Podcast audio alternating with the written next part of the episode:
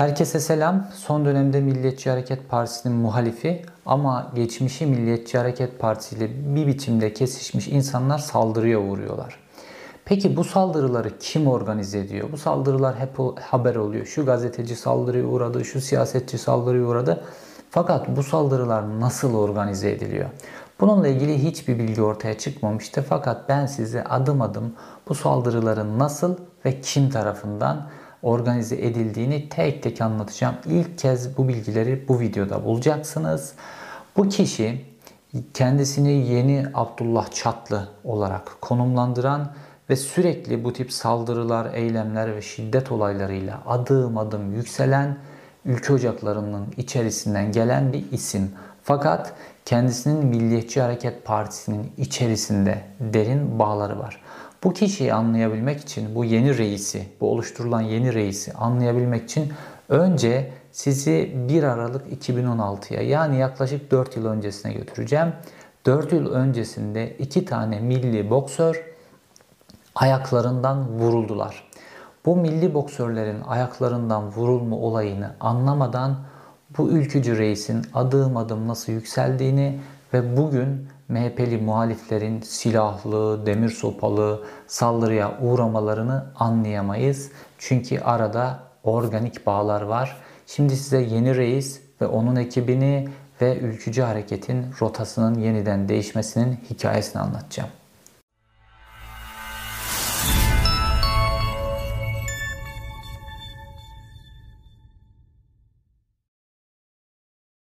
1 Aralık 2016'da iki tane milli boksör ayaklarından vuruldular. Buğra ve Alptu Öner. Öner kardeşler olarak biliniyor.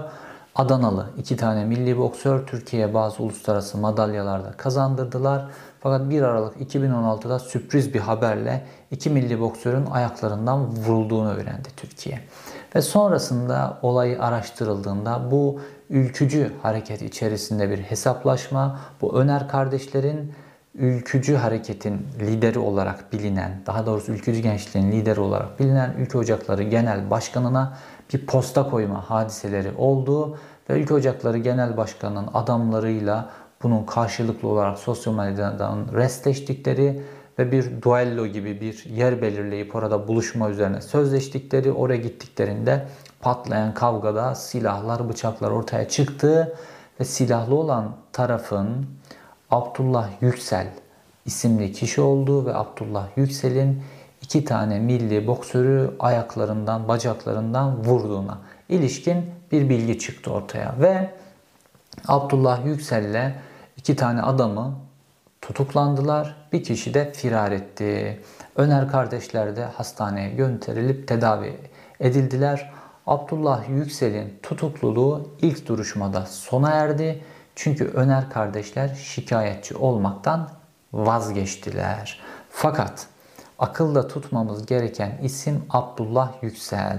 Abdullah Yüksel orada sarkık ülkücü bıyıklarıyla bileklerine kelepçe takıldığında kameraların önünde tek bir şey söyledi. Ne mutlu Türk'üm diyene.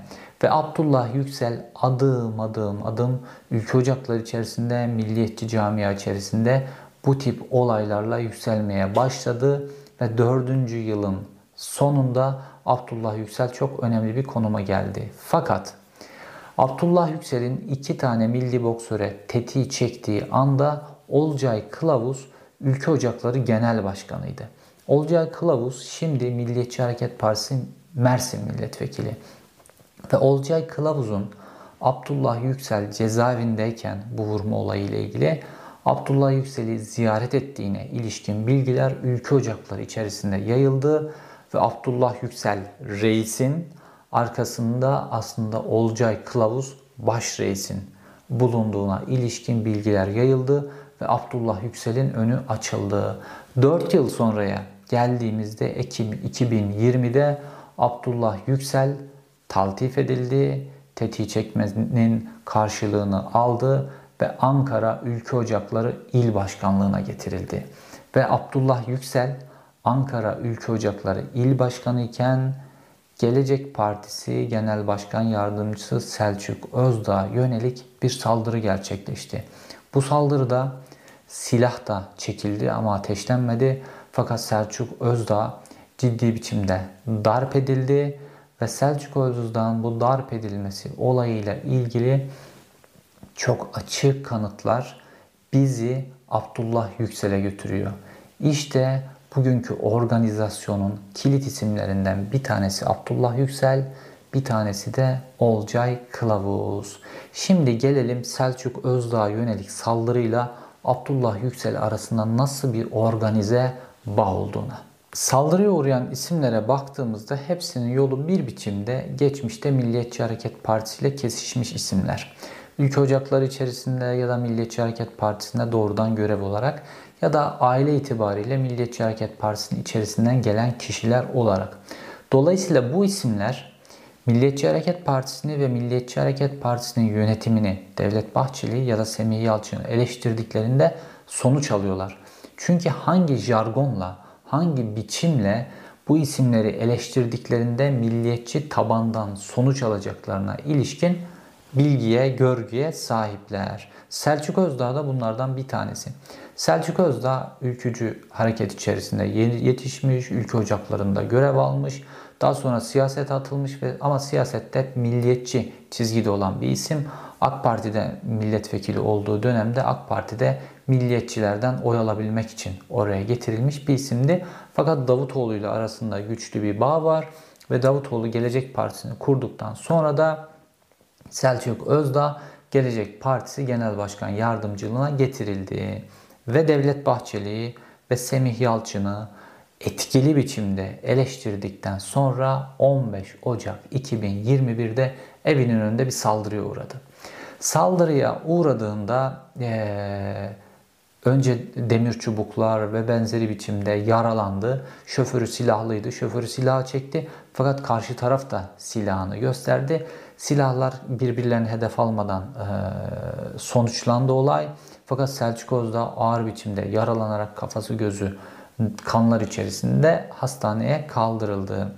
Olayda kullanılan bir araç vardı ve Ankara Emniyeti çok kolaylıkla o aracı tespit etti. Daha doğrusu Selçuk Özdağ'ın avukatı vesaire aracılığıyla da toplanan görüntülerde o araç çok netti. Yani saldıranlar öyle kimliklerini çok da gizleme e, gereği duymamışlardı.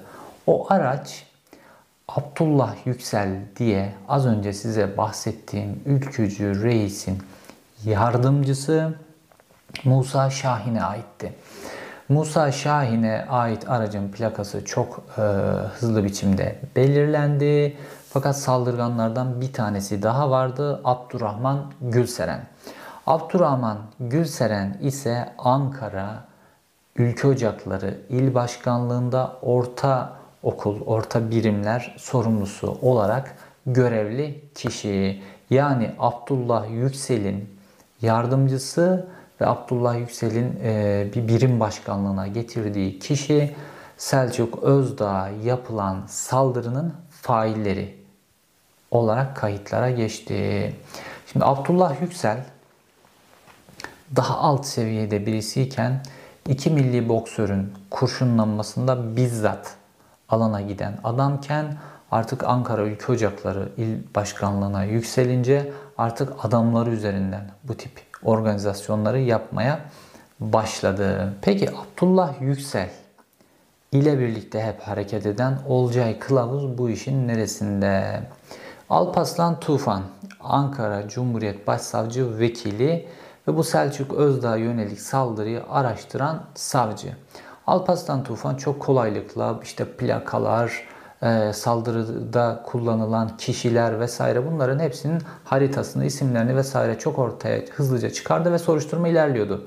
Tam o sırada Olcay Kılavuz sosyal medyadan açıkça Ankara Cumhuriyet Başsavcısını tehdit etti.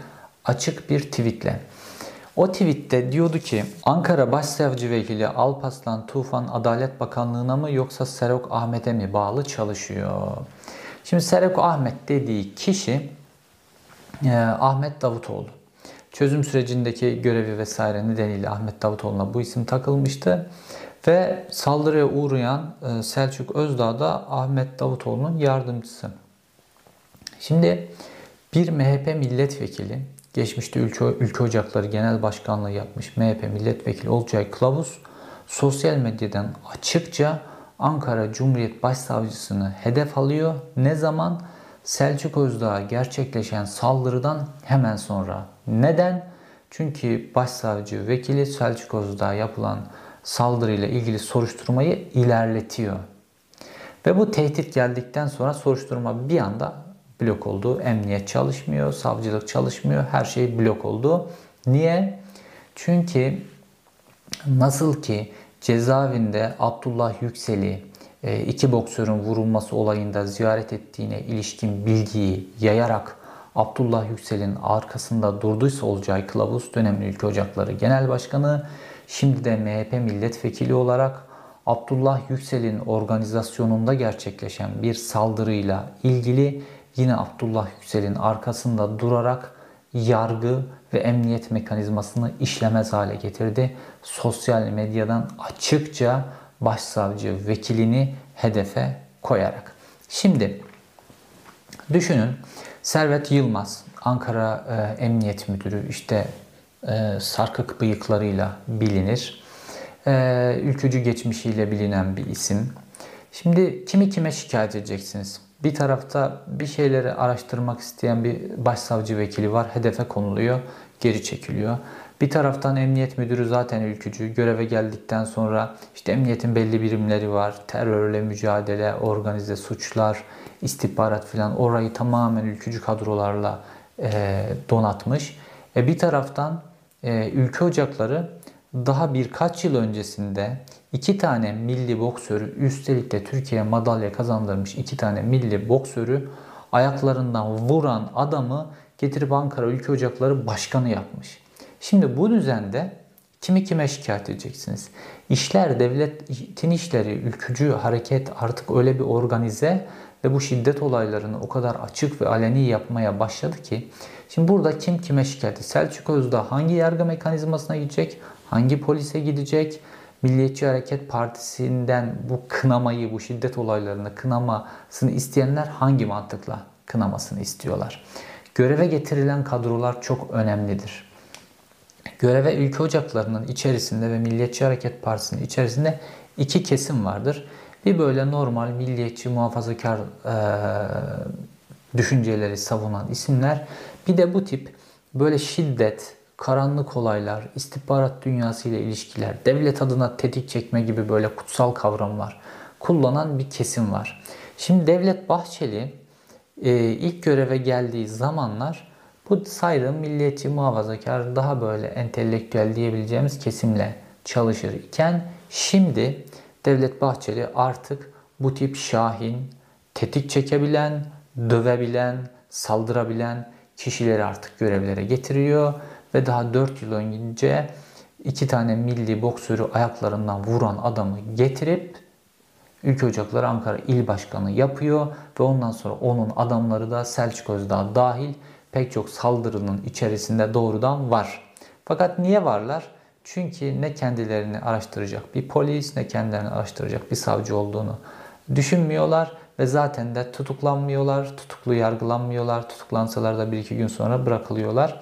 Tıpkı Abdullah Yüksel iki tane milli boksörü vurduktan sonra e, ilk duruşmada salı verildiği gibi ve yükseltildiği gibi ekonomik olarak, statü olarak belli noktalara geldiği gibi karşılarına Polat Alemdar gibi, Polat Alemdar gibi bir rol model konuluyor ki Abdullah Yüksel'de Polat olan Alemdar tarzı giyinmeler, yüzükler filan böyle piyasada takılıyor ve yeni bir reis modeli yükseltiliyor. Milliyetçi gençliğin önüne. Bu reis modeliyle de birlikte Milliyetçi Hareket Partisi daha da sertleşiyor. Neden? Milliyetçi Hareket Partisi'nin bir kırılganlığı var. Oyları giderek düşüyor ve Milliyetçi Hareket Partisi karşı taraftan değil artık kendi içerisinden gelebilecek çatlamalar konusunda son derece hassas ve geçmişte kendi içerisinden gelen milliyetçi isimlerin eleştirileri Milliyetçi Hareket Partisi'ni son derece sarsıyor ve bunlara yönelik tolerans kısmı da son derece dar. Fakat olayın devlet içerisinde ilerleyen boyutları da var. Saldırıdan sonra MHP yani bu saldırılardan sonra organize bir saldırı süreci var. İşte isimleri tek tek size sayabilirim ama bir sürü geçmiş ülkücü olan gazeteci olabilir, siyasetçi olabilir. Bunlar saldırıya uğradılar. Uzun bir liste var. Ve bu saldırılardan sonra özellikle Selçuk Özdağ saldırısından sonra Milliyetçi Hareket Partisi Genel Başkanı, Genel Başkan Yardımcısı Semih Yalçın bir açıklama yaptı ve bu hareketin delisi çoktur, talimat falan dinlemezler dedi. Daha sıcağı sıcağına. Bu ne demek? Ben bu saldırıyı e, onaylıyorum demek. Şimdi dolayısıyla piramit şöyle kuruluyor bu organizasyonda. Dikkat ederseniz bu saldırıların hemen hepsinin öncesinde Bahçeli'ye yönelik eleştiri yapıldıysa da esas sert giren, kamuoyunda hedef gösteren isim Semih Yalçın. Dolayısıyla piramidin başında Semih Yalçın, Olcay Kılavuz ve Abdullah Yüksel şeklinde ilerliyor piramidimiz. Fakat bunun devletin içerisindeki de boyutu var. Şimdi normalde e, Süleyman Soylu ülkücü, ülkücü kökenden gelen bir İçişleri Bakanı değil. Fakat şu an Mehmet Ağar'dan sonra tarihin en güçlü İçişleri Bakanı olarak niteleniyor. Ve Süleyman Soylu güçlü bir İçişleri Bakanı olarak ittifaklarla ilerliyor. Tıpkı Tayyip Erdoğan'ın stratejisine çok benzerdir Süleyman Soylu'nun stratejisi. Tayyip Erdoğan da ittifaklarla ilerler. Hep o ittifakları sonra yarı yolda bırakır vesaire.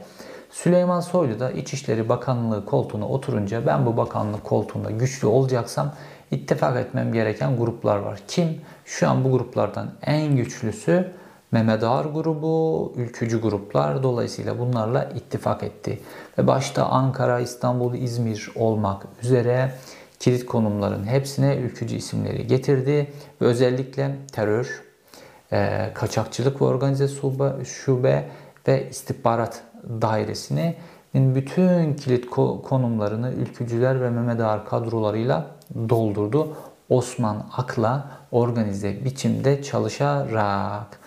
Ve dolayısıyla şu an ülkücü kadrolar emniyette hakim oldukları için ülkücü mafya olarak da bilinen e, Abdul Alaaddin Çakıcı cezaevinden çıktıktan sonra sokağa hakim olur hale getirildi ve öne açıldı. Ülkücü mafya bir taraftan sokağa dönerken emniyette de ülkücü kadrolar geldi ve bu tip MHP'li muhaliflere saldırılar, gazetecilere saldırılarda cezasız kalmaya başladı. Çünkü savcıların önüne bu saldırılarla ilgili doğru düzgün bir dosya gitmiyor ve cezalar basit yaralama üzerinden e, yürüyor. Dosyalar basit yaralama üzerinden yürüyor.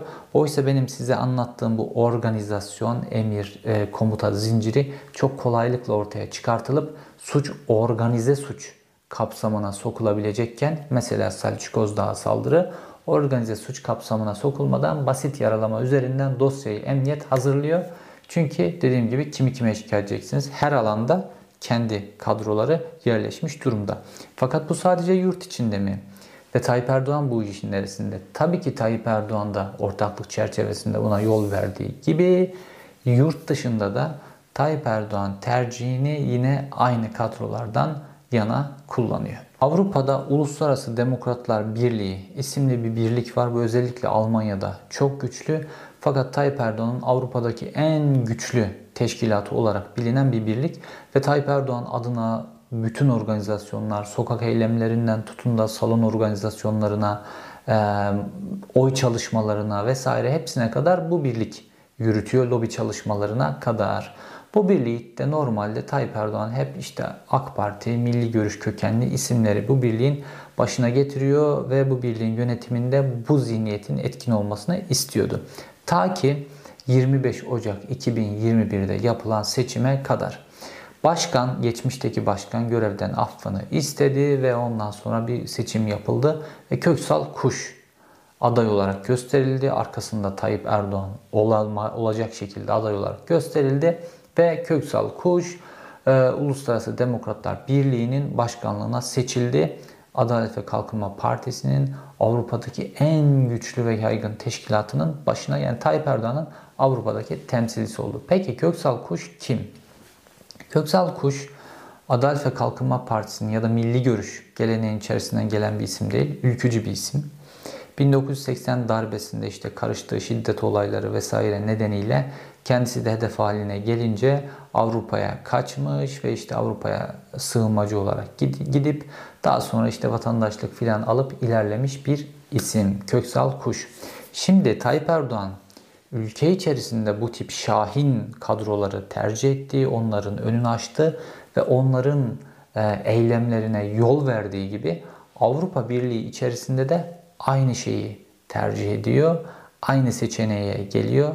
Demek ki Avrupa Birliği içerisinde de aynı şey istiyor. Bu Tayyip Erdoğan'ın geleceğe bakışı ile ilgili, Tayyip Erdoğan'ın ülkeyi nasıl yönetmek istediği ile ilgili ve Tayyip Erdoğan'ın ülke yönetiminde şiddeti ihtiyacı olduğu zaman kullanabilmek için nasıl adamlarını, kadrolarını yaydığı, hangi kadroların önünü açtığını göstermesi açısından son derece önemli bir adımdı ve bu adımı Milli İstihbarat Teşkilatı içerisinde özellikle Özel Kuvvetler Komutanlığından çok fazla sayıda asker alınarak ve bunların neredeyse tamamı ülkücü kökenli, ülkücü zihniyetteki askerler, aşırı milliyetçi askerler olması nedeniyle Milliyetçi Hareket Partisi, Milli İstihbarat Teşkilatı içerisinde de böyle bir dönüşüm söz konusu.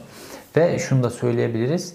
E, Milli İstihbarat Teşkilatı e, Teoman Koman gibi bizzat kor generaller tarafından yönetildiği dönemde bile kadrosunda bu kadar çok asker bulundurmuyordu. Fakat şu an MIT neredeyse özel kuvvetler ağırlığında bir teşkilat olmaya doğru gidiyor ve askerileşiyor. Ve bu askerler de dediğim gibi özel olarak ülkücü, e, aşırı milliyetçi kadrolardan seçilip oraya yerleştiriliyor. Bu bir tercih. Ben bu tercihi analiz ediyorum. Tayyip Erdoğan'ın mevcut devlet yönetiminin tercihi bu ve mevcut devlet yönetimi Şahin ülkücüleri tercih ediyor ve Şahin ülkücülerin önünü açıyor. Yurt içinde, yurt dışında, devlet kadrolarında, istihbarat teşkilatında. Bu bizim geleceği anlayabilmemiz, gelecekte neler olabileceğine ilişkin bir okuma yapabilmemiz açısından elde etmemiz gereken önemli bilgilerdi. Bunları bu şekilde kayda geçiriyorum. Tayyip Erdoğan'ın e, bu yönle ilerlemesinin sebeplerinden bir tanesi de kestirme sonuç alabileceğine ilişkin e, alandaki uygulamalar oldu. Mesela Doğan grubunun e, sattırılması hikayesi biliyorsunuz işte 2015 yılından itibaren başlayarak Doğan grubuna yönelik bir çeşit saldırılar başladı. Ve bunun öncesinde Tayyip Erdoğan Sedat Peker'i cezaevinden salıverdi. Çıkmaması gerekiyordu normalde salıverdi. Ve Sedat Peker daha sonra işte davetlerde Tayyip Erdoğan'la aynı karelerin içerisine girdi vesaire. İşte şiddet dolu açıklamaları dokunulmuyor filan. Peker'e yol açıldı. Bu sırada işte bir kamyona bindirilen bir güruh Hürriyet gazetesinin önüne gitti 2015 yılında. Hürriyet'in cam çerçevesini aşağı indirdiler. Sonrasında Hürriyet gazetesinin o dönem popüler yazarı Ahmet Hakan dövüldü. Ve bunların hepsinde yollar Sedat Peker'e çıkıyordu. Ve sonrasında Doğan grubu üzerine öyle bir baskı oluştu ki bu biçimde Doğan grubu e, gazetelerini, televizyonlarını hepsini satıp medyadan çekildi. O dayak yiyen, geçmişte Erdoğan muhalifi olan Ahmet Hakan ise yediği dayaktan sonra en sıkı Erdoğan savunucusu oldu. Fakat sadece burada mı kullanıldı? Yo. Mesela en sıkı muhaliflerden bir tanesi o dönem Can Dündar'ın yönetimindeki Cumhuriyet Gazetesi'ydi. İşte Suriye'ye gönderilen silahlardan tutun da 17-25 yolsuzluklarının detaylarına kadar ülkenin çeşitli yerlerindeki yolsuzluklara kadar sıkı bir gazetecilik yapıyordu o dönem. İşte Can Dündar, Murat Sabuncu yönetimindeki Cumhuriyet Gazetesi. İşte ne oldu? Can Dündar yine Sedat Peker'in adamlarından bir tanesi tarafından İstanbul Adliyesi'nin, Çağlayan Adliyesi'nin önünde kurşunlandı. Ve sonrasında da işte Can Dündar aldığı tehditler nedeniyle ülkeyi terk etmek zorunda kaldı. Cumhuriyet Gazetesi etkisizleşti, yönetim boşluğu oluşturuldu. Sonra da bir yargı e, darbesiyle Cumhuriyet Vakfı el değiştirdi Cumhuriyet Gazetesi de etkisizleştirip klasik böyle laikçi Kemalist Tayyip Erdoğan hiç rahatsız etmeyen bir çizgiye çekildi. Ne yolsuzluklar, ne haksızlıklar, ne silah onların hiçbir tanesine artık girmez bir çizgiye çekildi Cumhuriyet Gazetesi. Dolayısıyla Tayyip Erdoğan hangi yönde sonuç alabileceğini gördü ve bu kadroların kestirme olarak ilerleyen kadroların önünü açmaya başladı. Fakat bir tarafta da partneri var. Milliyetçi Hareket Partisi. O partnerinin de kendi hassasiyetleri var, oyları eriyor. Lider artık yaşlandı. Eleştiriler parti yönetimini sarsıyor. Parti yönetiminin e, bu özellikle milliyetçi kesimlerden gelen eleştirilerin milliyetçi tabanda etkili olmasıyla birlikte oylar hep adım adım adım damla damla İyi Parti'ye akıp İyi Parti'nin oylarını yükseltiyor. Dolayısıyla tahammül edilemez bir durum var. İşte burada da bir dokunulmazlık zırhına ihtiyaç vardı. Bu dokunulmazlık zırhı yargı işi, yargı ayağı Tayyip Erdoğan'da. Polis ayağı zaten ülkücülerde. Dolayısıyla da bu e, saldırıların önü açılıyor ve toplumda adım adım yeni bir reis, bu reisin yöntemleri yükseltiliyor. İşte sahadaki adam Abdullah Yüksel ve onun arka planındaki adam da eski Ülke Ocakları Genel Başkanı, bugünün Milliyetçi Hareket Partisi Milletvekili Olcay Kılavuz. Ee, bu saldırıların arkasında nasıl bir organizasyon olduğunu ve kimlerin olduğunu, nasıl organize olduklarını anlatmaya çalıştım. Bir sonraki videoda e, görüşmek üzere. Hoşçakalın.